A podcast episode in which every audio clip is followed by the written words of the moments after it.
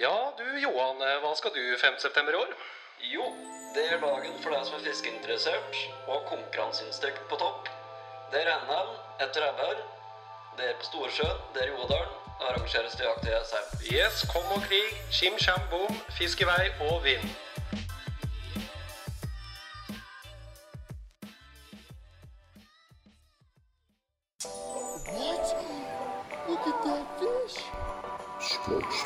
Sportsfiskepodden.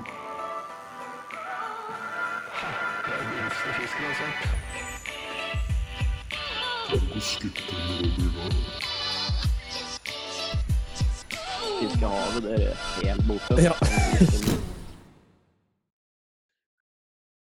Hei og velkommen alle unge, gamle, store og små sportsfiskere til ny fiske- og podkastuke. Mitt navn er Sondre Breian, og på andre siden av bordet i dag så har vi Johan Mangrud. Yes, velkommen. Ja, eh, Johan, har du eh, vært på noen fisketur eller en artig fiskehistorie? Ja, siste måneden har gått bra for min del, altså. Pers på Ebber og 1703. Fy faen. Nei, det er rått. Og så plukka litt 1500 og 1300 og plukka litt 1500, det er, da er du rimelig selvsikker. Men det er greit, du har eh, fått mye stor fisk, altså.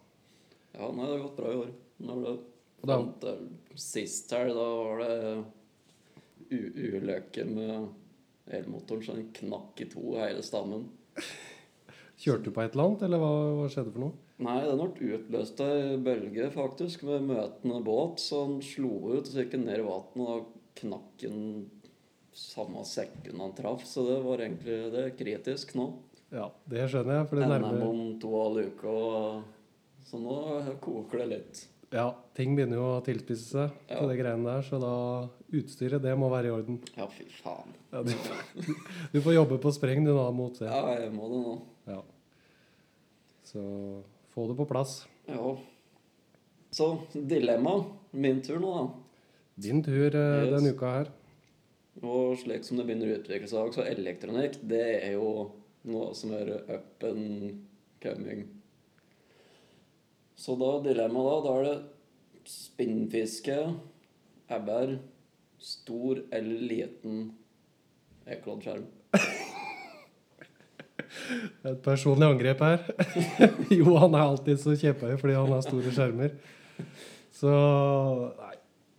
Hvis jeg kan velge, som det dilemmaet her går ut på, så skal jeg ikke legge bort at jeg har lyst til å ha en stor skjerm. Ja? Jeg har lyst på en stor skjerm. Så i hvert fall med ekkolodd, kartplotter og sånne ting, så, så er det ikke noe bakside å ha en stor skjerm. Det blir egentlig bare bedre, eh, klarere bilder, mer oversikt. Du kan splitte opp skjermen og fortsatt ha bra, bra størrelse på de ulike bildene. Så absolutt spinnfisket spinnfiske et abbor med stor ekkoloddskjerm. Det eneste er hvis du ikke har plass, da, men det er jo Alltids plass. Ja, det er alltids plass. Ja, Sånn som du har satt den, så ser du ser nesten ikke forover, men det er plass. alltid litt plass. Ja, men at da skal vi prate litt om her nå etter hvert, for dagens tema det er jo ebbærfiske, sommeren, høsten. Og da skal vi jo gå gjennom alt av utstyr, elektronikk, åssen gjøre ditten og datten. Ja. Elektronikk er Step by step. Yes. Så eh, veldig viktig Nå skal jeg ikke si at du må ha det, men det er i hvert fall et veldig, veldig bra hjelpemiddel i abborfiske. ja. Uten tvil. ja, vi kan jo begynne på stenger. Stenger er eh, artig. Yes, så der har vi jo to kategorier som vi bruker mye, og da er det det tradisjonelle haspelsettet som aller fleste er borti. Og så har vi multi Ja. med castingstenger og lavprofil. Du kan jo ta haspel, så kan jeg kjøre litt på multi. Ja, haspel, det Jeg går mer og mer bort ifra det. Rett og slett, egentlig. Men det er mer på grunn av at med multi så har jeg jo mer feeling. Da får jeg alt rett i hånda. Men jeg bruker også mye haspel hvis det er så at det er helt vindstille. Det krever litt lange kast for ikke å skremme av båten med båten. Da bruker jeg haspel. Eller hvis jeg skal bruke superlette jigger eller den slags for å få litt eh, lengde på det der. Da bruker jeg haspel. Og så prøver jeg å velge å ikke bruke det resten av tida. Nei, det, det kommer rett og slett til å miste mer kontrollen på det. For da jeg står med haspel og dropper, da, som jeg tror hadde rett og slett frikolber snella, og så slipper beitet rett ned, da har du ingen føling i det hele tatt på hva som skjer på veien ned. Når, for det hender seg ofte at fisken er veldig hissig på droppet i visse situasjoner. Og da bommer den vanvittig mye fisk. Mm. Så det er litt fordel, ulempe med haspel. Absolutt. Så nei, som du sier, med et multisett så får du jo en helt annen feeling og kontakt med det du fisker med. Og alt blir liksom med holdt på å si, en integrert del av kroppen. At uh, ting henger mer sammen, og, og du får mer følelse med, med utstyret. Og så eh, selv om du har fordelen med, med kastelengde på haspel, så er jo ikke nødvendigvis kaste, det å kaste lengst en stor fordel. Du får mindre kontakt med mer Mindre snørr. kontakt. og- Det, det er liksom visse forhold som krever at du må litt lengre. Ja, du har dropshot og sånne ting òg, blant annet, hvor det Ja, ja. kan være en stor fordel. Og det kan jo nevnes da at uh, haspelutstyret det er ikke grovt, liksom. Det er lette stenger. Ja. Korte, korte og lette 20-21 20 fot med 2500 snelle Ja. bruker jeg på den. Mm. Og da dekker den egentlig alt innenfor det vanlige ebberfisket. Ja. Åssen aksjon og sånn eh, liker du mest? Hvis du ser et generelt haspel Hvis du skulle anbefalt et eh, generelt Ja, haspelsett, da. Veldig rask. Ja. leke. Og for den som har aksjon, da, for den som ikke For at det knot i med, i starten da jeg begynte å fiske, hva faen er det egentlig? En aksjon, det er jo der stanga bøyer seg. Så hvis du har et veldig rask stang, da, så er det bare stangtuppen som bøyer seg, og så har du en sterk rygg. Medium rask, da har du øverste halvdel. Og så har du jo ikke noe rask. Da bruker den hele stonga, men det bruker jeg aldri jeg sjøl, i hvert fall. Da får jeg ikke de mothugga jeg vil ha, og mister følelse Mm. Ja, du mister veldig under, under fisket. Men mediumrask, det bruker jeg bare på liksom cranks. Ja. Det er en fordel å ikke ha en superrask stang, ikke sant? Mm. Og det henger litt sammen med, med krokningsegenskaper og, og liksom fortsatt kunne beholde fisken på wobbleren. da. Ja. Hvis du får fiske med crankbait eller wobbler og kjører en superstiv stang, så er det veldig fort å, Den rister seg av. at den rister seg av, rett og slett. ja. Mm. Selv om det er bra krokningsprosent, så, så er det fort at den detter av hvis du kjører for stiv stang der. i hvert fall. Mm. Så det vi bytter litt på egentlig aksjoner, eller vi prøver å ha eh, ha ulike sett til ulik type fiske innafor abbor, egentlig. Ja, det blir som et våpen. Det er forskjellige kalibre. Ja, det er en fin Rett og slett. slett. Du drar ikke på elgjakt med salongrefle, liksom. Det Nei. blir for dumt, det òg. Ja, Så det, det blir for dumt, ja. ja, så det, det er tilpassa til sitt behov, Ja. rett og slett. Og det blir jo sånn etter hvert at, at man kjenner litt og, og finner ut hva man liker til de ulike typer fisk, og da har man flere sett som man bruker til det. Mm. Istedenfor å ha én stang som man bruker til alt. Det fungerer, men det blir aldri liksom optimalt. Da. Ja, Det det handler om å optimalisere. Sant. Men på multi og haspel så fellestinget er i hvert fall at du må ha en line eller et snøre. Hva er det du Ja, Vi kan jo ha svingt litt innom uh, sneller, da. Ja, Først. vi da kjører kanskje snøre. spesielt multi. Ja. Der er det jo et hav å velge mellom. Med litt forskjellige Faen, nå, nå mister jeg helt. Forskjellige gir? Nei. Nå, Utveksling, ja. Ja, ja, utveksling. Ja. Så, og det er jo antall ganger spola går rundt på ett veivetak. Ja.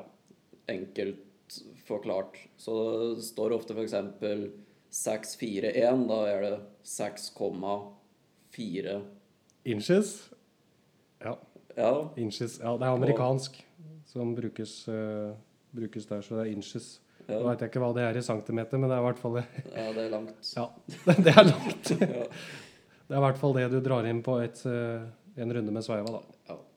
Så Og der igjen så er det litt mer spesialisering på forskjellige utstyr og lek. Så f.eks. jiggfiske på sommeren. Da vil jeg fiske fort. Og jeg vil få inn slakken etter jigget fort. Så dere kommer nå til å sette opp et oppsett med 8-5-1. Og det er veldig fort. Ja, det er det man kaller eh, si ekstra high gear, eller Ja. sånn i fiskeverden. Det er liksom noe av det høyeste du får, da. ja. Og så får han da de i mellomsiktet seks 6-7 ofte, er det ikke det det ligger Jo, på? det er det mye. Det er litt mer likt kombi. Det kan du egentlig kjøre litt alt, tenker jeg. Både jig, cranks, litt diverse. Og så har vi til det lave. Ja, under 6, rundt 5. Ja, rundt det. Og det brukes oftest da til cranks som du vil ha den litt saktere Ja. på, rett og slett. Så har du jo cranks og wobblere som har ganske stor skei og går dypt, og da Mm. er det mye Skal du sveive inn da med en snelle med høy utveksling, så blir det veldig tungt å jobbe med sveiva, og Mm. stanga må jobbe mye mer. Det blir litt som et gir. Har du tung last, så kjører du et lavt gir for å optimalisere det. Mm. Så utveksling er, eh, på sneller er viktig. Nå er ikke det Virker ikke som det er eh, like utbredt kanskje på haspelsneller. Nei, Nei. jeg tror ikke det. Ikke hos meg, i hvert fall. Nei, det er vel ofte en lavere, generelt lavere utveksling på haspelsneller òg. Ofte rundt fire, fem, seks er gjerne veldig high gear på, Mm. på haspelsneller. Så i all hovedsak eh, multi, da. Men det er veldig viktig å tenke på hvilken utveksling du velger. Og nå kan du jo velge så mange forskjellige typer. Så Ja. å ha det i bakhodet når du skal ha en ny snelle, hva du tenker å fiske. Skal du fiske jig? Skal du fiske crankbait? Skal du fiske sakte, fort? Ikke sant? Så. Mm. Men skal den være mest mulig safe, så går den for den i mellomsiktet. Ja. Første snella du kjøper, så gå for det. Ja, så på en multi så rundt syv er eh, et veldig bra Ja. alternativ der. Altså. Det får du både på Daiwa og Shimano og ja, Mm. egentlig alle merker. Da kunne vi svippe over til Lina. Da kan vi hoppe på lina. Ja. Ja. Så dere er jo et hav å velge i. Så det, jeg personlig er veldig glad i Suffix. Superfornøyd med den. Og da snakker vi braid, ikke sant? Eller multifilament. Ja, jeg braid. Ja, og da er det et line som er lagd av hvor flere tråder er tvunnet sammen, ikke sant? Er én Mm. mm. line. Så det er suffiks du er fan av? Ja, det, de vinner ikke kåringer for moro skyld, liksom. Nei. År på år. Det, så jeg bruker den eh, 832. Heter den jeg bruker aller mest. Den er all, allsidig og funker til det aller meste. Mm. Og så er det jo diameteret og slik på dette der. Der òg er det jo mye å velge i. Det- Jeg er veldig komfortabel med 12-13. Ja, Ligger på det. 012-013 millimeter? Ja. Ja. Det ligger mest på. Så at det her er jo liksom Du må finne din egen stil, liksom. Du må finne ut hva du sjæl syns funker best. Mm. Det å drive og gå ned, da, spesielt på multa, gå ned på 0,10 det, Ja, det går, men det, det som ofte skjer, det er at eh, den lina den er så jækla tynn. Det bærer en sidetråd, så den skjærer av seg sjæl. Mm. Ja, ikke sant. På multi så går vi gjerne opp litt, grann, enn går ned i forhold til Ja. haspel. Men på haspel derimot, dropshot eksempel, så tynt som mulig. Mm. Eh, Da er det 0-10. Ja. fint. Type finessefiske hvor du liksom har maksimal kontroll og du beveger hvor du beveger beitet veldig lite, så er det en fordel med tynt snøre.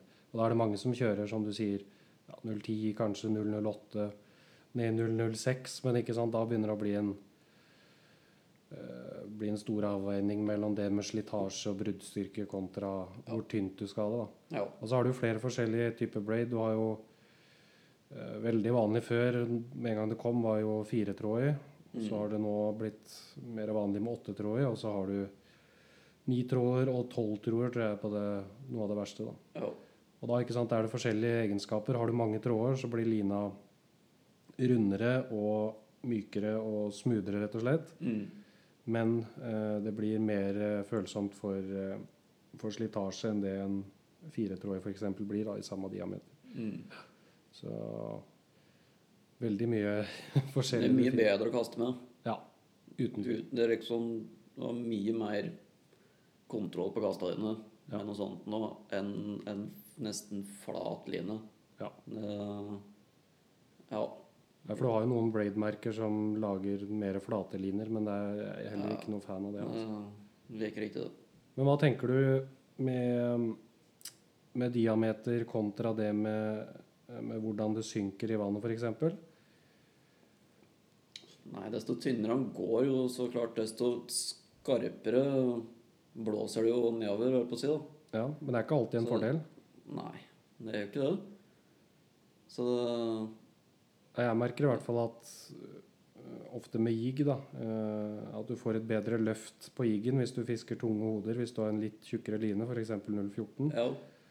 og du fisker, tar lange kast, øh, så skjærer lina dårligere i vannet. Og det vil si at når du sveiver, så går jiggen mer opp enn rett mot det. Mm. Hvis du hadde hatt en mye tynnere line, så hadde jiggen fulgt mer den vinkelen du har på stanga direkte fra ja, båten eller land, eller hvor du står. Ja, ja. Ofte er det en fordel hvis du, fall hvis du vil fiske sakte og ha en mer vertikal bevegelse av jiggen enn en horisontal langs bunn. ja. Så det også er noe å tenke på. Eh, men du fisker ikke noe med mono eller fluorkarbon som eh, Jeg har ikke gått løs på det nå. Nei, for det er mange i USA som I USA så bruker de jo stort sett nesten bare det, egentlig. Så det Nei, jeg har ikke fått noe god dreis på det. Jeg har ikke testa ut det så mye. Jeg har tenkt meg å prøve å teste ut mer og se om det er noen bedre effekt av det. Men nei, jeg er jækla for komfortabel med braid. Ja. Så det jeg har ikke planer om å gjøre det ennå, i hvert fall. Nei. Jeg ser det hovedargumentet de amerikanerne og de som bruker fluorkarbon mener, da, er at hvis du fisker f.eks. crankbait eller noe sånt, så uh, fluorkarbon er jo synkende uh, kontra braid som i utgangspunktet er flytende. Mm. Så du får uh, crankbaiten fortere ned på, på det dypet den skal jobbe på. da. Klart fisker du Ja, men samtidig i USA så fisker de cranks på større djup enn det vi gjør. Ja. Når vi står og kaster eh, ja, cranks her, det, de er veldig gruntgående òg. Så vi står ofte og fisker på like tre meter, Mm. og det går på en dyptgående crank. Den stuper rett ned på tre Ja. veldig fort. Ja. Så i forhold til det så er ikke det noe problem å tenke på. Slik som det vi fisker med cranks i Norge mye, på veldig mye områder. Ja. Og så er det jo den andre fordelen, og det er jo å, å skape en usynlig kobling mot Ja, men fisker samtidig er bare å klemme på lang nok fortomsmateriale. Så Ikke sant? For det løser vi med en fortom, Ja. så vi kan jo bevege oss inn på Ja. hva, hva vi kjører av fortommer. For det er jo et mylder og masse diskusjoner, og det er jo ja. innafor alt mulig fiske. Hva, hva slags fortom skal vi bruke? Nei, da hjelper det vår, tenker jeg. Ja. Jeg bruker konsekvent det i mye forskjellige sykehuser. Mm. Så det er liksom Greia jeg sliter med, det er jo gjedda, for den klipper jo momentant. Så hvis det skrevet om jeg veit det er mye det, 45-50 kan jeg gå opp til da. Og veit at det ikke er det, så er det dunker rett ned på ja, 24-25. ja. Ikke sant? For da er det ikke bruddstyrka Nei. du velger etter. For en 0,25 holder jo mer enn nok en stor abbor, så det er Ja, ja. problemet med gjedde, egentlig, som Ja, er Gjedde og Si at jeg fisker cranks der langs med bunnen, f.eks. er det møter mye vegetasjon og drit, så er det greit å ha noe som tåler litt, rett og slett. mm. Litt slike ting. Så det, men ellers så er det jo også tynt den klarer, egentlig, tenker jeg da. Ja. Har du mulighet og fisker du i vann hvor det ikke er gjedde, så kjør 0,20-0,25. Ja. Liksom. Det- Det er ikke noe problem, det. Hva tenker du på lengda der, da? Der er det jo også ganske mye Ja, så Så langt en er klarer å fiske komfortabelt med det. Ja. Så langt som mulig, så lenge han er komfortabel med lengda. Og du klarer å gjøre de rette tinga. Men kjører du typ mange meter, eller kjører du Liker du helst å ha fortommen ute av stangtuppen når du gjør et kast? Nei, en, en god stonglengde. Ja. En til en og en halv stonglengde omtrent. Mm. Så da er jo det tre, tre meter. Jeg har begynt å utforske litt med å kjøre veldig lange fortommer. Sånn typ Ja, oppi ikke ti meter, men seks-sju meter da, i hvert fall. ja det begynner å bli heftig. Ja, klart da får du jo eh, fortommen inn på snella når du kaster, men eh, hvis du bruker knuter som FG og, og liksom får klippa endene helt i natt, så er ikke det noe problem. altså. Nei. Og da får du den fordelen hvis du kjører Én ting er synligheten hvis du fisker i superklare vann. Det er ikke så ofte vi gjør det, da, men, eh, men det jeg kan merke hvis du har abboren tett innad båten, og du fisker mer vertikalfiske på dem, så så jeg si, tror jeg Jeg kan ha opplevd i hvert fall at abboren eh, velger å ikke ta beitet hvis du først passerer de med braiden, og så sveiver de sånn at de på en måte har en oppfattelse av at her kom det et snøre ned, eller et eller annet sånne ting. Og så har du jo, hvis du fisker med crank, det vi snakka om med, med aksjon på stengene Hvis du har en lang fortom, eh, så er det uansett mer strekk i fluorkarbon og mono enn det det er i braden. Ja. Og da hjelper den fortommen deg litt eh, under fighten da, ja, det er sant. med fisken. Ja, for dere ser jo amerikanere da ofte da De strammer til snellene på maks på bremsen og bruker kun hjelp av line og stang når de kjører fisk. Det er litt spesielt. Ja, for de kjører jo fisken på en helt annen måte enn Ja, ja. de gjør, egentlig. Eh, ja, der stramla de helt. Men ser du noen fordeler med å kjøre Nei. Nei. Nei, for jeg også tenker at klart får du på en stor fisk, så bør man jo bruke bremsen litt for å avlaste utstyret. Men eh, Ja. Jeg vet ikke åssen anatomien eh, i kjeven på en bass er, som det ofte er. Ja, det er jo alvorlig mye mer muskler og mer bein i den kjeften her, da. Ja. Det er mye sterkere enn en ebber, liksom. Alt kan jo ganges med tre, Ja.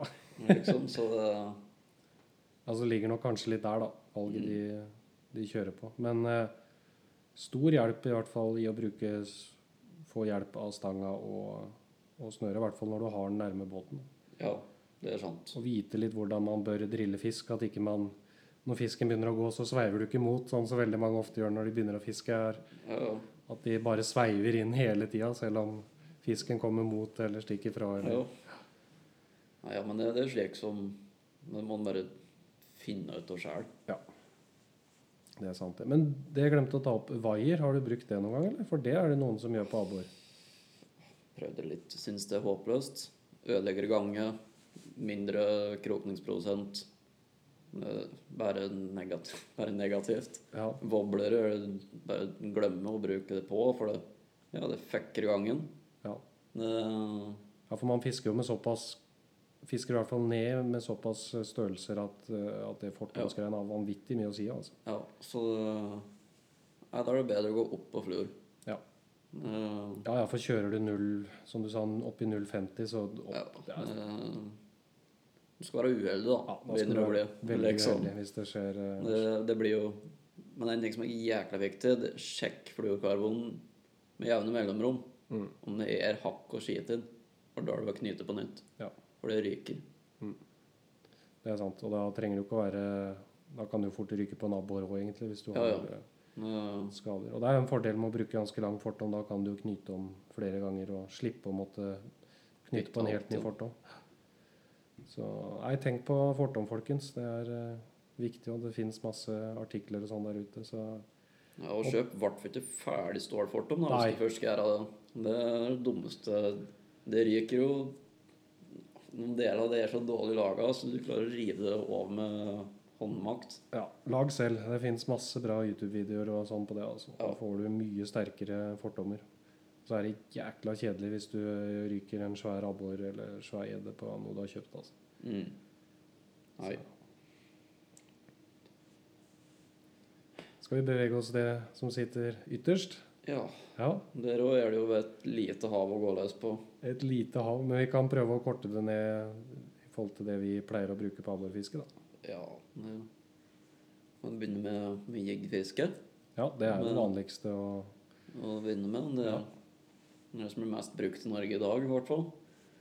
Så det, når vi kommer inn i den varmere tida og det begynner å bli varmt i vannet, mer fart i, i fiskeanlegg, da går jeg bort ifra det der vårfiskegreien med litt mer profilerte, sakte ganger med mye bevegelse, over til en mer lynforma jigg ofte, med en litt større pedal på som utgjør veldig mye vibrasjon.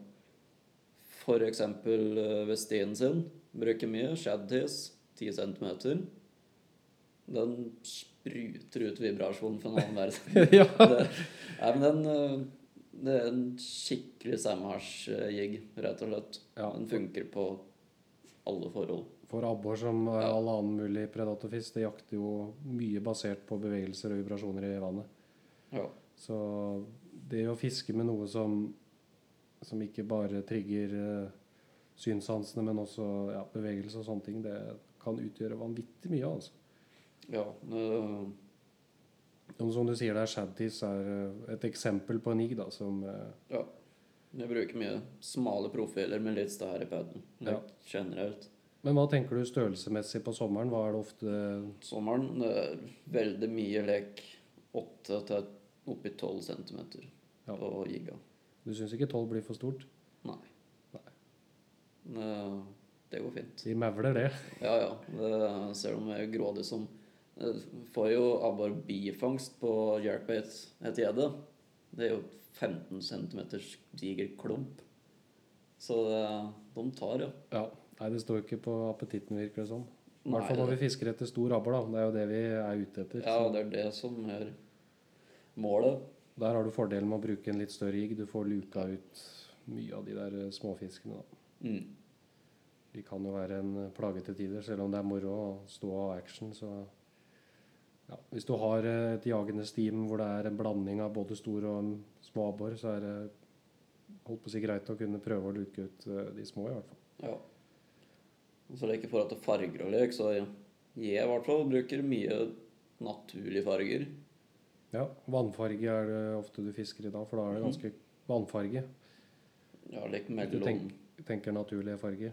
ja, det, er jo så, det er jo så an på fra vann til vann, da. Ja. Det, den er litt vanskelig å For jeg driver på store Mye, mye forskjellige områder. Alt fra elv til små skogsvann til digre vann på på marka, på landet, på landet her på seg. Ja, Så det er liksom, det blir mye forskjellig, da. Så Men du kjører naturlig er mye naturlig, liksom litt gullfarge, men litt skinn i. Som gir en liten flash, rett og slett. mm. Og så kan du slenge på noe med litt mer litt glitter i. Det er fint på dagen med litt sollek. Da blir det fin refleksjon i farga. Mm. Så det er jo mye sånt, egentlig. Bruker ikke så mye av de knæsjgrønne og Nei, det føler jeg var, var litt mer eh, Holdt på å si i gamle dager, så var det Ja. veldig inn med Fire Tiger og ikke, ikke, skikkelig skrikeoransje, liksom. ja, ja, skrik. Du ser jo de gamle, gamle pakkene med jigger Ja, som bestefaren hadde i Jævlig, garasjen. Det var jo Ja, det- knall røde huer og sånn liten sånn eh, Hva heter det for noe? Curly tail, eh, rød eller Ja, oransje. det er skikkelig syrefest Ja. nedi veska der. Så nei, det- Altså, vi har nok bevega oss mer mot det naturlige, med gode grunner, tror jeg. da. ja. Så det har i hvert fall funket veldig bra for min del. Det handler jo om å, som alt annet fisk, å imitere, prøve å imitere det fisken spiser. da. Ja. Så kan man heller skape den eh, attraksjons- og irritasjonsmomentet ved f.eks. vibrasjoner eller et eller annet sånt. Ja. Da. Det gjelder så hottail går det an å For eksempel, ja. Ja. Mm. rett og slett at ytterste delen til hanen er den eller knæsj, Ja. rau eller noe. Den trigger i visse tilfeller. ja da, det er jo Må prøve seg Men du kjører, ja. Så du kjører eh, 8-12 cm jigger naturlig på sommeren? da. Mye, mye, da. Ja, samme, samme her. Men eh, hva tenker du på når du velger igode, f.eks.? Tungt. Tungt? Ja. Veldig mye 14-15 Det går det veldig mye av. Kan òg gå opp i 18-20 i visse tilfeller, men det blir aller mest den der 14-15 gram suga. Ja. For det skal fiskes fort, og da må du ha sånn nå synker fort. For det er jo å stå og dunke batten fort som faen inn, liksom. Mm. Ja, For ja. å få den triggereffekten på at oi, nå kommer det noe veldig fort der, og da er det smokk. Ja, og du klarer jo ikke å fiske en jigg fort nok til at abboren ikke tar hvis den er eh, på Nei, så det er liksom å dunkle på et eh, 20 grams hue, da, så på ett jigg da, så stiger den to meter. Ja. Så bruker den et halvt år på å komme ned igjen. Ja. Du får ikke den der hurtige fiskinga. Nei. Ja, Da virker det som om, i hvert fall på sommeren, at abboren blir litt uinteressert hvis det går for sakte. Ja, jeg syns det. Ja. Og det handler, jo, handler nok litt med eh, kanskje det at når eller byttesfiskens aktivitet øker på sommeren, så er abboren kanskje mer vant til at fisken beveger fort på seg, og at det, det virker mer kunstig hvis det kommer et eller annet dritsakte, sånn svevende over. Ja, det. Så, Så men jeg har prøvd eh, I år så har jeg fiska mye med 20 gram faktisk i sommer, og opp i 25. ja, nei, det er mange som bruker den. Ja, på to-tre meters dyp, og det Ja. har levert stor fisk, altså. Ja, så Og det trenger ikke bare være aktivt jagende, men uh, hvis du har fisk som uh, er litt sånn semi- semislakke, så ja, Men samtidig det Det hender seg på sommeren at en vil få presentert det hvis det er superlavt superlavtrykk. Liksom. Det, du er nede på ja, 950 trykket.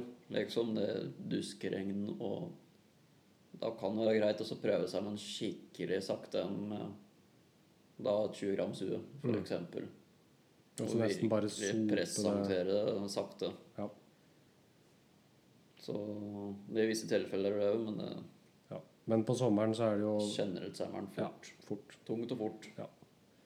Noe annet du velger å sette på enden av snøret på sommeren? Ja, i år har jeg brukt vanvittig mye crank og jerkbait. Veldig mye. Det blir det mer og mer av. Det er mye mer moro enn jegerfiske, rett og slett. Takesa er steinharde, som regel. Så det, det er fett, egentlig. Jeg har forskjellen av begge greier er jo en type wobbler, ikke sant? Men crank, da er det mer om litt stutte, tjukke, litt runde, egentlig. Og så en jerkbait er ofte mer avlang wobbler, egentlig. Mm. Med styreskje.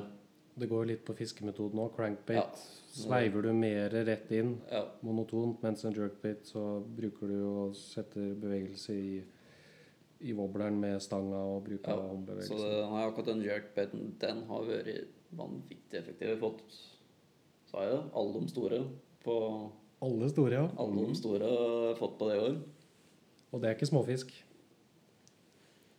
Nei, tre største er over 1300. Ja. Så alle har tatt på, på det. Og det tror jeg det er rett og slett for at den oppfører seg som en skada fisk. De store, gamle fiska de er late. De tar det enkle. Ok, her kommer det en skada fisk. Lite energi, raskt, enkle matbeter. ja. Skjer i huet på dem. Ja, for skal du ha Skal du fiske selektivt et abbor på ja, 13-14-15-1600 gram, så, så gjelder det å prøve å gjøre, gjøre det så lite energikrevende for den abboren Ja. å ta det Så du presenterer. presenterer. Så jeg tror det er mye av grunnen. Det og at det er på de riktige plassene til Ja. riktig tid. Hva er en riktig Hvilke plasser eh, er det du f.eks. fisker crankbait og, og jerkbait og sånn på sommeren? Crankbait det er ofte over eh, grunnere steinpartier. Like, tre meter og Da går jo Vi bruker en eh, Rapla DT10. Og DT10, da er det 2 10. Da har du fot. Dypter da. Tre, er tre meter. meter. Ja. ish. Og den har lang skje i nesa hans, så den går da i bånn, og så bare går noen dunker med skjea ned i grusbåten. Og så spinnes det opp igjen. Og da han synker opp til den mudderet, da, da smeller det. Stort sett. Da det smeller. Uh, Jerkbaiten er òg over mye det er liksom, Der er det to forskjellige varianter som jeg bruker. da. Det er en som er veldig Som bare går 30 cm under vaskekorpa. Den bruker mye på de grunnere områdene som ligger to-tre meter. Og så er det en deep versjon som synker den igjen 2,5-3 meter. Og en ebber den har ikke noe problem med å stige fire meter for å gå opp og plukke, og så gå ned igjen. Det er ikke uvanlig i det hele tatt. Nei, ikke på sommeren. Da så eh, stiger de stiger, kan stige veldig høyt for å gå opp og hente. Ja, og det jeg har brukt eh, spesielt jerkbaitet jerkbait til veldig mye i sommer, det er å fiske på plasser hvor du har eh, ja, grunne steinpartier, eh, som du snakka om, eller områder hvor du fisker kanskje langs land eller rundt en sånn uh, haug med stokker eller sånne ting, hvor, Ja. du, hvor en jigg fort ville satt seg fast, så kan du fiske en Hvis du kjører over med lodd da, og ser at ok, øverste del av stokkhaugen ligger på tre meter, da, så kan du velge en jerkbait eller noe sånt som fisker på to og en halv, og så kan du på en måte jerke den og pausen liksom rett i det området over stokkhaugen. Og liksom fiske selektivt på de fiskene som står i eller rundt det. Da. Mm. Det har levert stor fisk. Ofte så, hvis du har en ganske monoton bunn, og du har et parti hvor det er mye snags, eh, så velger abboren å oppholde seg i området rundt eller i det der snaggen. Mm. Og da tror jeg det er en fordel å kunne fiske rett over det. Ja, jeg er helt enig. Eh, Og så får du en jævla bra eh, krokningsprosent da, ved bruk av ja, og de tar hardt på det når de tar det. det er de, de skal drepe dem, liksom. Ja. Det, det er ordentlig kill. Så det, nei, det er fett. Ja, prøv det hvis ikke dere har fiska på det før. Altså. Ja. Det gir en ny dimensjon og et mye bedre fisk i mange tilfeller på sommeren, tror jeg. i hvert fall. Ja, i visse tilfeller så det utklasser Ja. egen spesielt at fisken er litt aktiv. Så jiggen er ikke like interessant da når den går og dunker på båten, og så driver de egentlig jakter tre meter opp i vannlaget. Da står du rett og slett og fisker under dem. Ja, de får ikke med seg hva som skjer. Nei, for abboren går veldig ofte pelagisk på sommeren, og da kan Ja. det fort hende at du fisker for dypt. At du fisker under, Ja, rett og da- slett. Så, misser du Ja. ganske mange. Rett og slett. Eller så har vi jo no, det, det har jo tatt helt av, da. Vibrasjonsbait. Det har Det har tatt òg. Og det Hvordan faen skal en forklare det, ja? Det, nei, det er jo en verden For da tenker du på chatterbait, spinnerbates, uh, ja. crank, holdt på å si lipless cranks og hele ja, det er den spesielt den lipless-cranken, den har jo tatt av. Der har du jo variasjoner fra både Hva er det vi har på norske markedet da? Det er fra Rapala, Duo, Abu Det er virker som alle merker har slengt seg på, på det kjøret der. Ja, og det, det er jo forskjellige størrelser. Og det Jeg har prøvd veldig mye forskjellig. Det er alltid fra små metallplater egentlig med bly på som kun vibrerer. Og så er det de som vibrerer og har kulelager i seg som lager lyd. Så, og så er det de som har minner av dette igjen, og så er dette mye forskjellig rart, da. Jeg har prøvd mye forskjellige varianter, og den som har tatt seg best ut hos meg, så er det rip and wrap. Rett og slett fordi at den har større kuler. Den synker fortere og bråker mye mer. Den er mye mer aggressiv. Så det, den gir ut vibrasjoner som da blir nedover for motsatt vei i forhold til det dit du drar den, så klart. Ja. Og så er det all den lyden som bare helt klikk. Det, da tror jeg det klikker for nebberen når den kommer dunkende over hodet på ja, jeg tror den ser rødt. Det blir det Å, fy faen, blir det. Nå, nå skjer det noe, gutta. Og så, Yes. så kommer den der For der er det jo Det er vi ikke ute etter. Det er ikke mat han skal tenke, det trigger eh, når vi fisker med den. Den skal trigge i gang et høgg. Og det gjør de veldig ofte. og Det bruker ofte da klinisk dødt fiske, det er å røske på nekken ennå. Noe av kastet med det, det kan være nok til å trigge i gang alt sammen. For det er rett og slett det er ren aggresjon. Det er igjen det er kill-instinkt. Det er å Ja. Du skal drepe det. Ja, jeg hadde en kant hvor jeg fiska i sommer, hvor jeg fiska lenge med jigg og jeg var vel på både cranks og jerkbaits og sånn, og jeg visste at det var fisk der, jeg så de, men de var litt sånn halvtreige, og da satte jeg på en sånn lipless crank, så det tok jo helt av.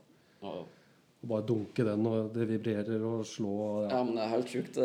Fy faen, den effekten du får ut av å bruke det, fy faen, det er Og den- ganske drøyt. Og den kan du ikke fiske aktivt nok, tror jeg. Altså, det er bare å Nei, den- er liksom Den er så lett å fiske med, så den er ikke da, når det nesten sånn føler at den tyr til desperate tiltak når den liksom har byttet til rip-in, rap-in eller noe. Da har du liksom prøvd Satt på mark, alt. omtrent. Ja, da har du Det, det er faktisk så det er, det er så effektivt, så det er på samme nivå som markfiske. Ja. Ja. Det, Ja, så er den jævla ja, Du kan Han er fiske dritlett å fiske med. Alle klarer å fiske med den. Det er liksom, han fisker veldig bra. Så anbefaler det, det er noe alle skal ha i boksen sin, egentlig. Ja. Alle som skal fiske her, skal ha et vibrasjonsbeit i den boksen. Enig. Og det er gjeddemagnet òg, for øvrig. Så det kan Ja. være greit å ha tre-fire. Og tjukk fortom. Og tjukk fortom, ja. Yes, nei, de er glad i de greiene der, de òg. Altså. ja. Ja, men da har vi jo tatt for oss eh, litt forskjellige ting vi putter i enden av lina, så da kan vi hoppe over til elektronikk, som er veldig relevant til abborfiske, i hvert fall. Ja, det er noe som påvirker bare mer og mer ut av effektive vi klarer å være. av. Så det å ha god elektronikk, da, det Ja, den er litt kritisk, egentlig. For det får jo vi opp informasjon på alt ifra dybde, vanntemperatur, struktur, sidescan ja. Det er liksom Men jeg kan begynne litt på, på starten, så alle heng- henger på. Så opp, oppsettet mitt, da, i hvert fall, har to 16-tommere fra Lawrence. Det, ja, det er jævla stort, men jeg driver med spinnfiske, så det er jævla digg.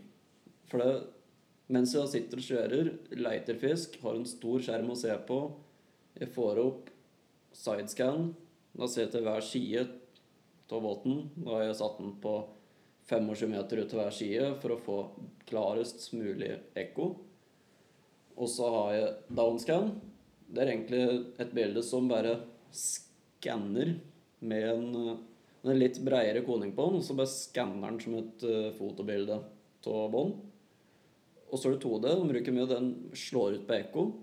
Så da får jeg bare et svar på at her er det noe. Og ser ofte Hvis det er fisk, da ser det små bananer. Ser det nesten ut som som står i en klump litt oppi vannet, f.eks.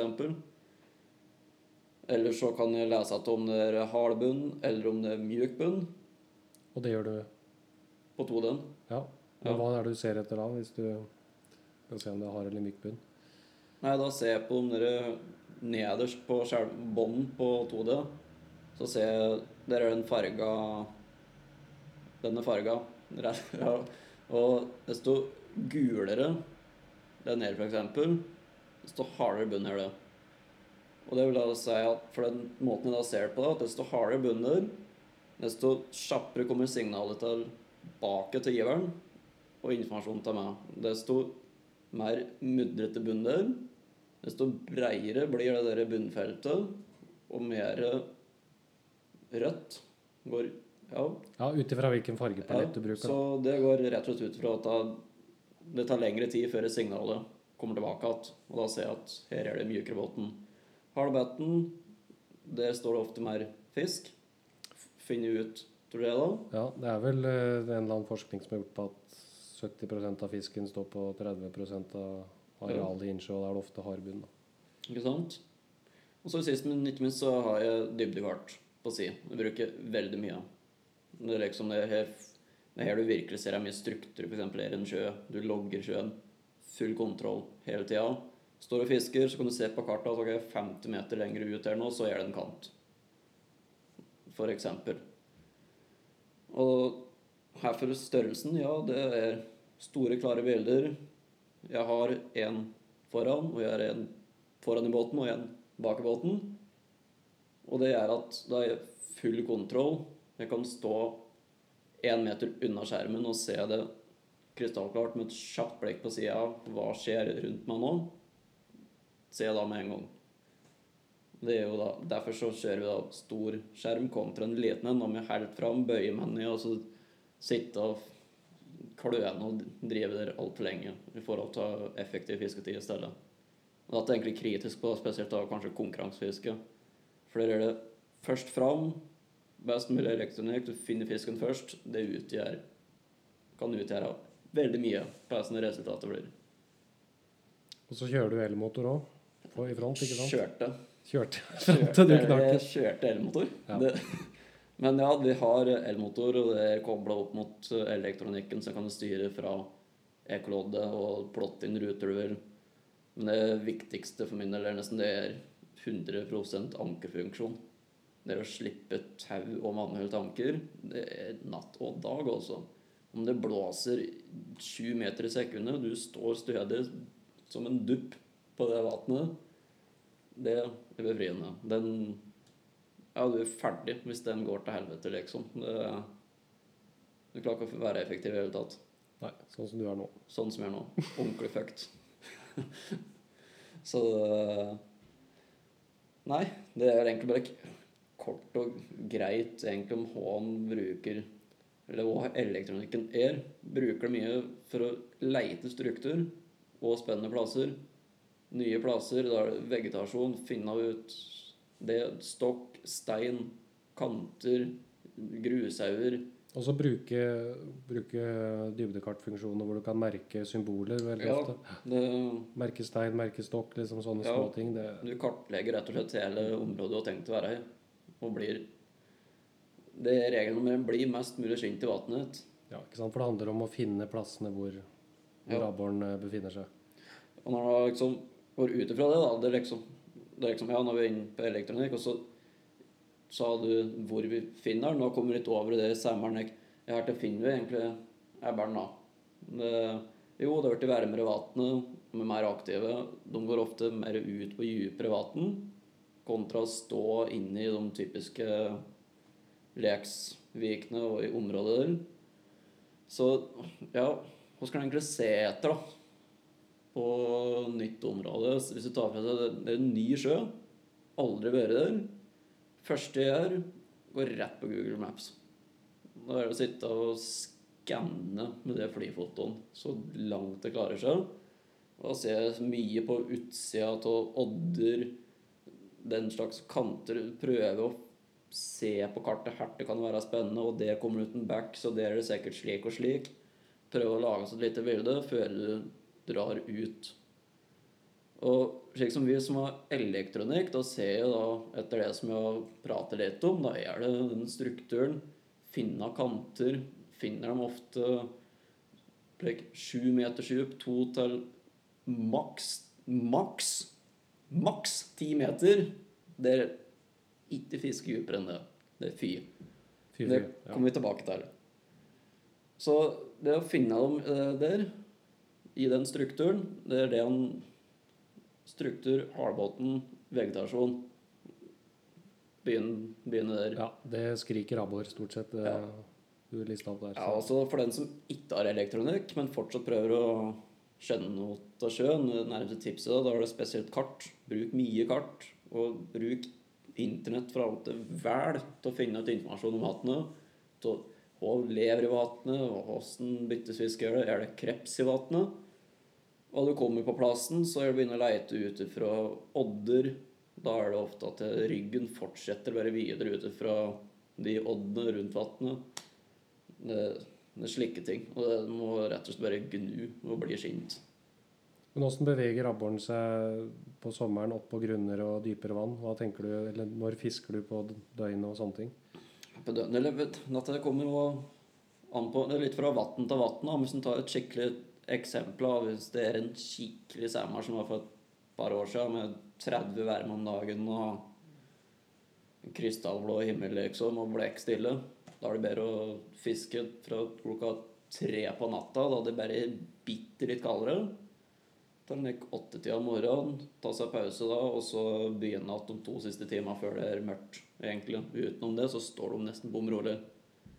Og hvis det er en periode med ekstremt mye varme, lite nedbør, akkurat etter det har regnet, da bruker du ofte at da skjer det ting. For da kommer det et væromslag, og det regnet det pisker opp oksygen i vannet, som da gjør at fisken blir mer aktiv. Man har mer energi å gå på, rett og slett. Og hva faen var spørsmålet igjen? Hvor jeg fisker på dem? Ja, eller hvor finner vi dem? Hvor finner dem? Nei, det er som jeg har sagt, det, da er det strukturen. Ja. Det er det da. Og det kan være Jeg har fått alt fra to meter og ned til en sju-åtte. Det er det jeg fisker aller mest på. Ja. Og når det er slik jækla varmt, da, slik som det er i starten oppe i august, de står ofte dypt. Men ikke fisk for dypt, for det ja, det går til dundas med alt mulig rart. Og sekkercatchen ris og Ja, skal du ha et par matfisker, ja, da er det greit. Da er det ingen Da går det helt fint, altså. Hvis du skal det det er ingen, ingen fare hvis du har tenkt å slippe den ut igjen, så er det å bruke huet litt, da. det er det ofte det det er snakk om når vi fisker etter stor abbor, så er det jo det på catch and release. Mm. Så problemet med å fiske for djupt eh, Litt samme fenomen som skjer med oss mennesker hvis vi dykker for djupt. Det er jo at eh, nede på dypet så er ting mer komprimert pga. Trykket av vannsøyla. Så når noe stiger for fort, så betyr det at alt innvendig, spesielt hvor det er luft og andre typer gasser, vil utvide seg Mm. veldig kjapt. Eh, Og fisk som abbor, hvor de har lukka svømmeblære, den klarer ikke å regulere regulere dette fort nok. Eh, Der skjer utveksling av gass via blodet, eh, kontra f.eks. gjedda, hvor de kan rape opp luft for å prøve å kompensere for trøkkendringene. Men hvis du får en abbor eh, ofte ja, rundt ti meter, så skjer et eller annet. da. Ja. Med at eh, eller ja, dypere enn det så får du ofte trykkskader, og da er det at svømmeblæra eh, rives løs fra bukhulen og kommer ut av munnen. Eh, og da er det folk som prøver å stikke hull på de, og det er klart, ja, da svømmer de jo ned igjen. De, de blir nede. De blir nede, ja, for da mister de funksjonen sin til å holde seg svevende, og de vil ja, basically bare Ja, for det kan jo egentlig sammenlignes med en luftbelg på en ubåt. Ja, Går den til helvete, da ja, den er borte. ja for fisken bruker jo svømmeblæra si til å holde seg svevende i vannet. Holde, Mm. samme, at holde seg på samme dyp uten å måtte svømme opp eller ned. Men eh, når den funksjonen forsvinner, så vil det jo bare bam, rett på bunnen, liksom. Ja, altså Det som egentlig skjer, da, er at på rent norsk da, de får skikkelig blodpropp. Ja. Rett og slett. Ja, for det er jo gasser i blodet også som, Ja. som gjør at holdt på å si, påvirker muskulatur og det greiene der. Så selv om du hadde fått de ned på en forsvarlig måte, så vil det fortsatt være senskader i muskulatur og, og som du sier, nevner det med blodpropp, da, som, eh, Mm. som vil ta livet av fisken eh, etter å ha gjenutsatt den, selv om den ser frisk og fin ut. Så skal du drive catch and release, så ikke fisk dypere enn maks. Ja, men det, det er helt maks, altså, den timeteren. Gjerne, gjerne ikke dypere enn 6-7 meter, da. Ja, det, jeg, kan, jeg strekker meg til åtte, men jeg Ja. syns det begynner å bli litt like, på kanten når det blir dypere enn det. For selve Det å kjøre fisken nede på det dypet der, det er ikke noen fare. Når den bikker tre meter fra vannoverflata, da er da den trøkk, selve trøkkforskjellen kommer sånn rett og slett popper omtrent. Ja, og så har du jo temperaturforskjell også. En fisker du abbor som står på rundt 10 meter, så står den ofte under eller i sjiktet hvor eh, holdt på å si termoklin ligger, altså sprangsjiktet. da. Ja, ja. Og da blir den temperaturforskjellen fra der hvor abboren sto opprinnelig, til overflata hvor det kanskje er 20 grader. da. 23 grader, den blir jo enorm. ja, ja. Så de får sjokk i tillegg, ikke sant. Så, Så, men du prater på det der med nevnte lufttrykket her Ja. i stad. For det er jo, er jo noe i hvert fall liksom, Jeg ser veldig mye på denne skueskauen. For det, dette påvirkes veldig av akkurat det du sa om at han stiger og synker, og det gjør han etter trøkket for å stabilisere den flyteblæra. Så like, da det dunker inn et lavtrykk, da dropper han til båten, og det står han ganske hardt. Men det er veldig vanskelig å fiske på, for da står den ned og så stabiliserer seg. Mens da det er høytrykk, eller stabilt trykk over 1010 da, da blir den mer aktiv igjen. Da har den mer kontroll, og da er aktiv. Den jakter, den eter. Så slike ting det er noe å ta med inn i fiskeplanen sin når den skal ut. I forhold til ja, er det lågtrykk, ok, faen, da må jeg gjøre om taktikken og fiske slik og slik. ja, og Da begynner jeg ikke med en jerkbait som er en meter under, og så er det seks meter til bånn, og der står den. Da kommer den ikke. og veldig ofte, hvis det har vært stabilt lenge òg, perioden rett Hvis du får inn et sånt skikkelig typisk sommer, tordenvær, regnskyll og trykket stuper, så gjerne fisk rett før, for da merker abboren at å, søren, nå kommer det det lavtrykket. Da må vi liksom bruke siste tida på jakte. Da. Så det kan være veldig bra å fiske rett før det dropper. Ja, så er det å finne ut den informasjonen der. Enkelt. yr.no, shot inn plassen du skal, og så utvid tabell. Da står den lengst til høyre der. Yes. tips. Så det Absolutt. Følg med på det. Ah, Da har vi egentlig dekt ganske mye til sommeren, eh, syns jeg, Ja, på den tida.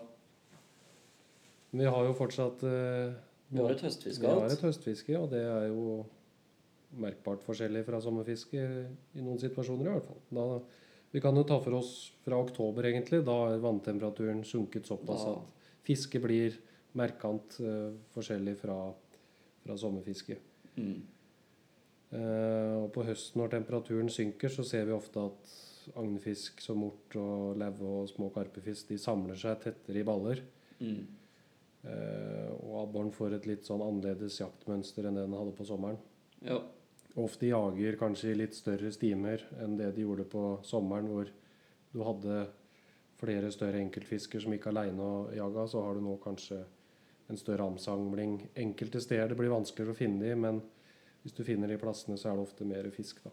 Ja, Jeg ser det ofte at dere bruker veldig mye elektronikk. Ja. Og finn byttesfisken, så er det ikke bare langt unna. Stort sett. Det- De, de er i nærheten. Veldig viktig å, å lete agnfisk på, på høsten, i hvert fall, syns jeg. Som du nevner, da, da finner du stort sett abboren. Ja. Og der er det egentlig litt som det er rundt steinbønnstruktur struktur. Ja, Igjen. ofte kanskje litt grunnråd i perioder. Ja, kanskje litt opp, opp på ryggen, liksom. Så det, det er liksom Det er mye av de samme områdene, egentlig. Ja. Det er ikke så stor forskjell. Det er bare det å klare å finne den og lokalisere hvor byttesfisken er. Og ofte så står, føler jeg på høsten, så står byttesfisken mer stasjonært oppå f.eks. eller i tilknytning til et kantområde. På sommeren så beveger de seg veldig mye mer. Mm. Så på høsten så er det mer det å Veit du hvor plassen er, og du har baitfish, så handler det mer om å prikke inn uh, huggperiodene enn det å drive og kjøre rundt og lete nødvendigvis. da. Ja. Men eh, hva tenker du, hva fisker du med, og fart og sånne ting? ja. Og brukeren. Det er mye Bruker rart. Jo, Jeg bruker mye rart. Også. Ja. Det, når jeg begynner å gå mer inn i slik som kreps, f.eks. For det er jo noe Den er det jækla mye næring i, så det er en attraktiv bytte. Rett og slett for en stor rævær. Og da bruker jeg ofte kreps som viser litt profil. Så når den dropper ned, så Den synes, for å si det slik. Og den trigger ofte Kan trigge Ofte, men ikke ofte ofte. Det, han trigger ofte mer da enn en vanlig jigger. For den jiggen den har svømt forbi nesen på den bare 1000 ganger, og så plutselig så kommer det en kreps og lander rett fram av nesen på den. Det, nei, det har ofte vist seg å være veldig effektivt, da. Det gir jo abboren mer energi for strevet. Større Ja. matbit. Og ofte så fisker du den Fisker du den mye saktere enn en jigg òg, så den gir Ja. abboren mer tid på å Helt klart. bli interessert og peile seg inn på den, liksom. Ja. Den, så det, det er inne på det og så litt Texas er litt innom. Jeg fisker ikke mye med det, men litt. Men bruker du det på både kreps og Ja. si, vanlige jigger og Ja, men mest bleke kreps og ting som skal bevege seg mye mens du sakter fiske. Ja. Rett- ja. Men bruker du weedless, eller kjører du vanlige jiggkroker på kreps, f.eks.? Eller offset-kroker? Det er helt an på bånd, altså. Ja. Det, jeg synes, det er klart Jeg syns han bedre kroking med åpen krok. Men hvis det er litt skit, da, så setter du fast med en gang. Så det blir jo mye weedless. ja, ofte habitat hvor Ja, det er kreps. og er- weedless-krok, da, det er rett og slett en krok som er gjemt inni agnet. Så den glir bare rett gjennom. Ja, for det er områder hvor det er mye kreps, er jo ofte områder med stor stein. Og, Ja, mye steinstruktur. Så det, det å standup-hue bruker mye. Så stå, blir rett og slett krepsen blir stående eh, med kløra pekende opp i forsvarsstilling. Sånn syneskhet og trigger til høgg. Og på det der da, så bruker jeg også mye lukt og smak. Og det er rett og slett fordi at ebberen er ordentlig køddete innimellom. Den det er en gresen fisk. Du må gjøre riktig med den. Så den spytter fort. hvis den syns det er noe rart. Så smak, det er ofte noe da har du Så skal den liksom ha is i magen, da, så den skal få ha denne driten i munnen i tre sekunder da, før han gjør et tilslag. Så det, og smak, da Det viser seg, syns jeg, da, i hvert fall at da holder han bedre på den. Ja, for det er veldig vanskelig hvis du fisker oppe si soperen langs båndet og skille f.eks. stein og stokk fra fisk. Så det er Ja. veldig greit å ha den ekstra indikasjonen på at, at du kan kjenne at fisken driver og tygger litt på den og sånn. Mm. At du slipper liksom å måtte dra til på alt, for da ender det med at du setter jiger hele tida. Så Mm.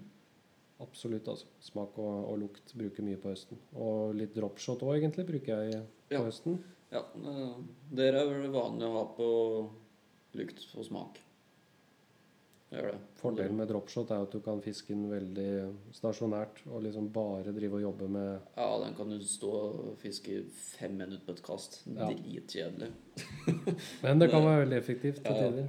Så absolutt. Så det Nei, det er det kjedeligste jeg kan fiske med, ass. Det er dropshot. Ja. Det er så sakte, det. Så det Nei, det er ikke noe så, men det er jo effektivt som faen da, innimellom. Ja.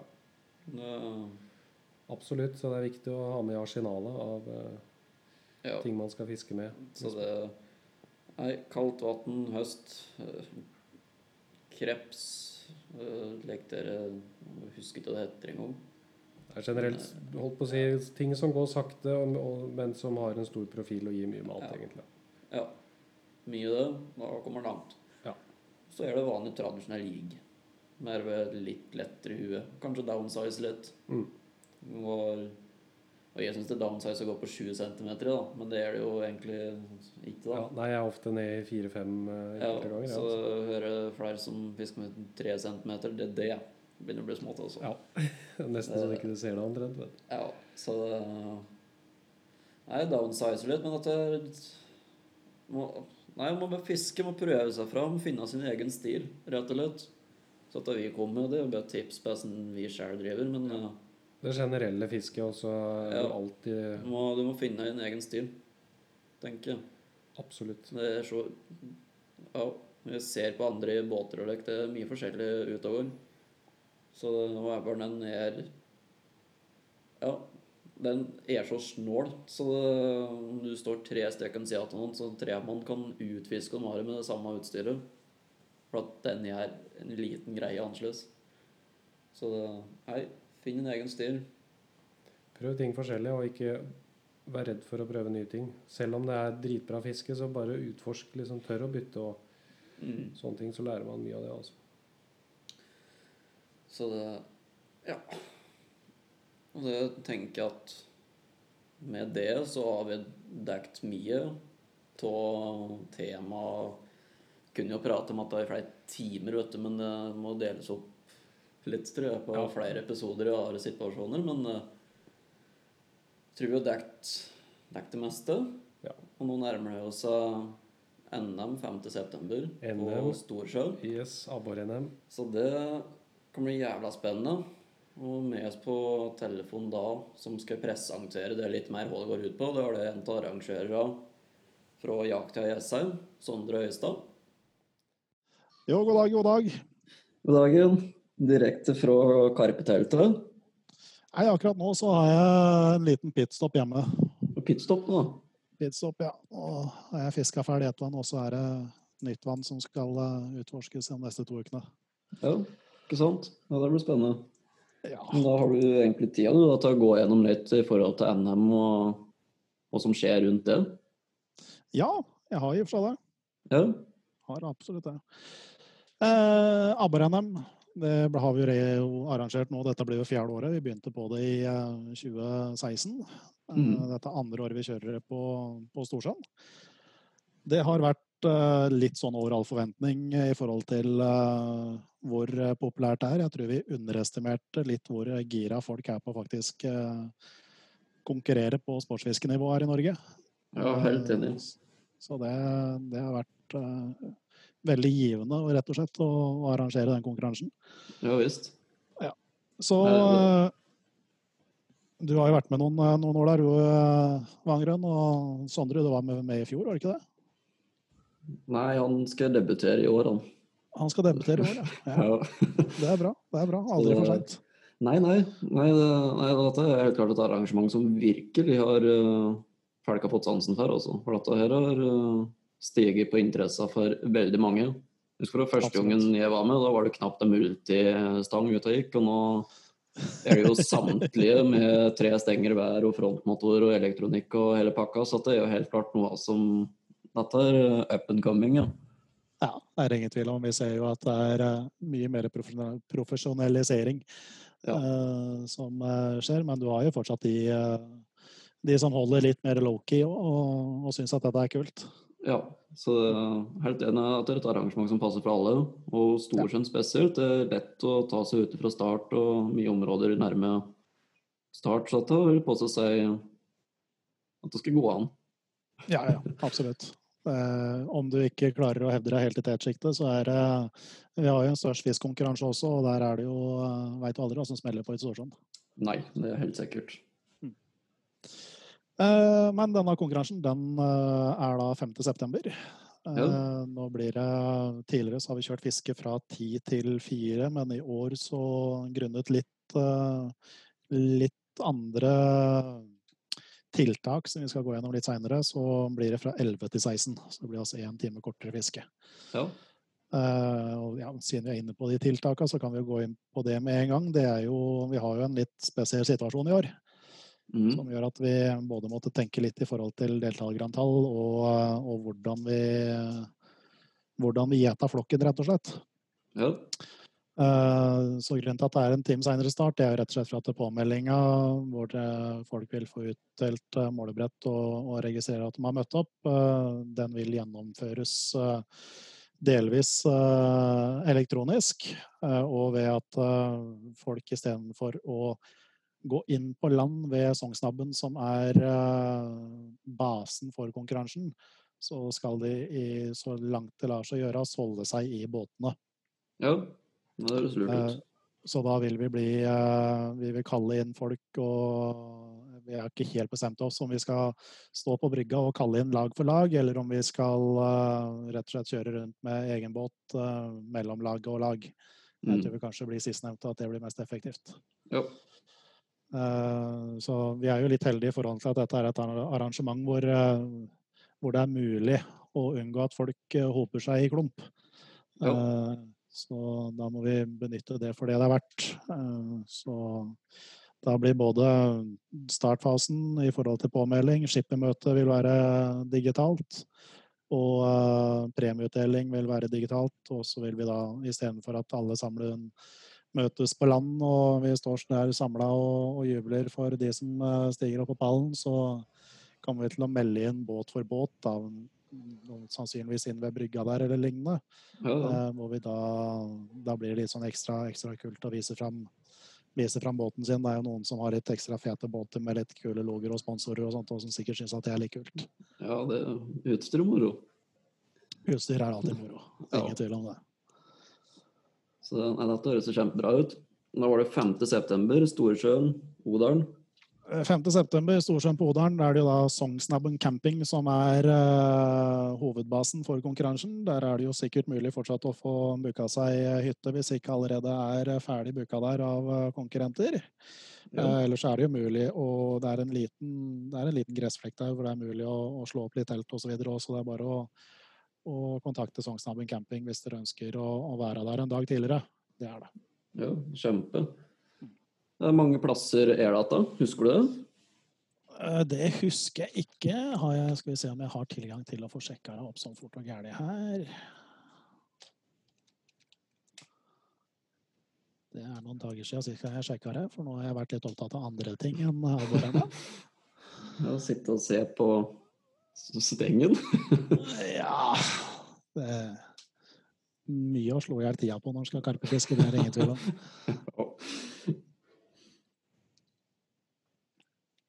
Mm, mm, mm. Skal vi se Ikke den, men den, tenker jeg. Da finner vi noe. Skal vi si.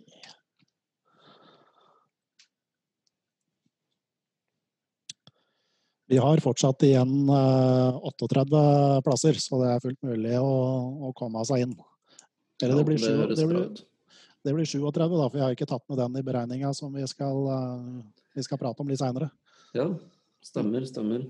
Nei, så det blir kjempe. Og vi, vi har jo da et tak på, på 200 personer på arrangementer, så da ligger vi på Det blir jo da 96 båter. Eh, hvorav da noen er fra sponsorteams, og så er eh, resten av ivrige fiskere som har meldt seg på. Og så har vi da noen arrangører som kan løpe rundt der uten at vi bryter den, eh, den grensa vi har fått ifra, fra helsemyndighetene. Eller direktoratet, som det heter. Mm.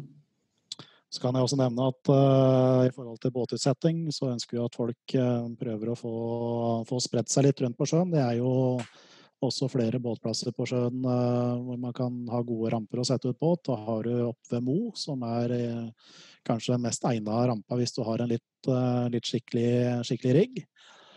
Eh, og så har du nede ved Ringsås, som også har en veldig fin båtrampe. Så Ja. istedenfor at vi skal få at alle sammen møter opp på, på Sognsnabben, så er det fint om folk også kunne spredd seg litt rundt til Mo og på Ringsås. Og da kommer vi til å ha personell stående ved de, ved de båtrampene som, eh, som eh, gjeter folk i riktig retning. Ja, det høres lurt ut. Det absolutt. Så det, det var vel egentlig kort og greit om hva egentlig NM-arrangementet går ut på. Det er det. Vi kan jo sånn fort og, fort og gærlig hive ut hvem som arrangerer, og det er jo da Jaktia. Jaktia Esheim. det, det Det er greit, greit, greit å få med den gjengen der.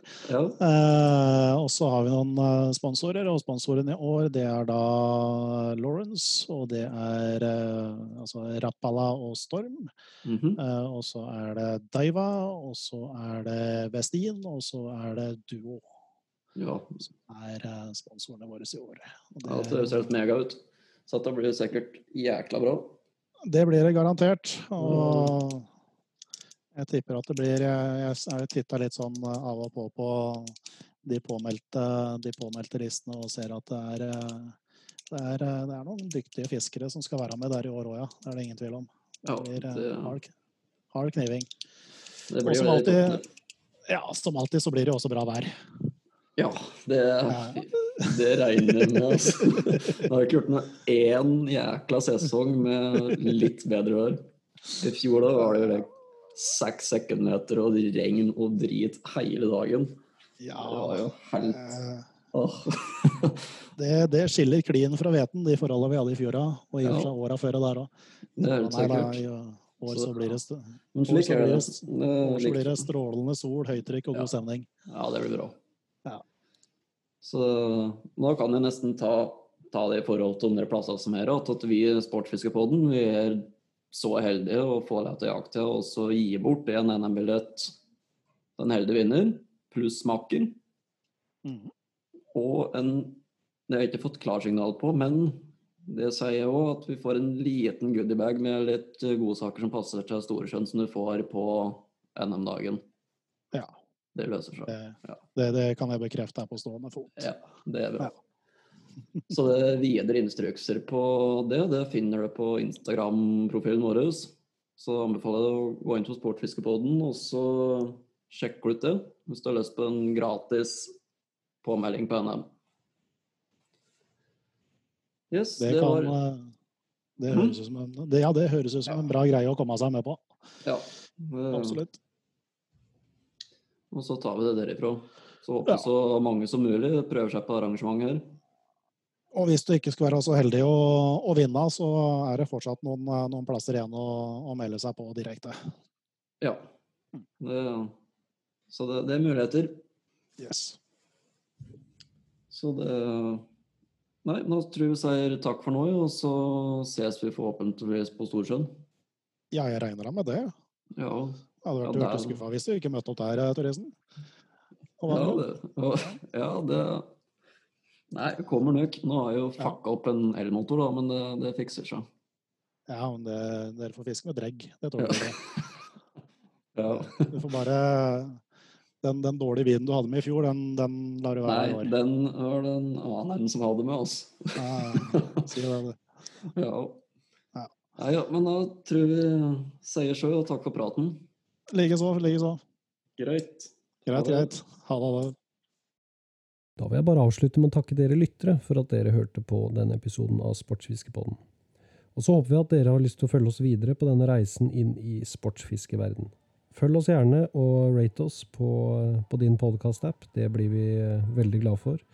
Og så er det alltid åpent og velkomment med tilbakemeldinger, ris og ros.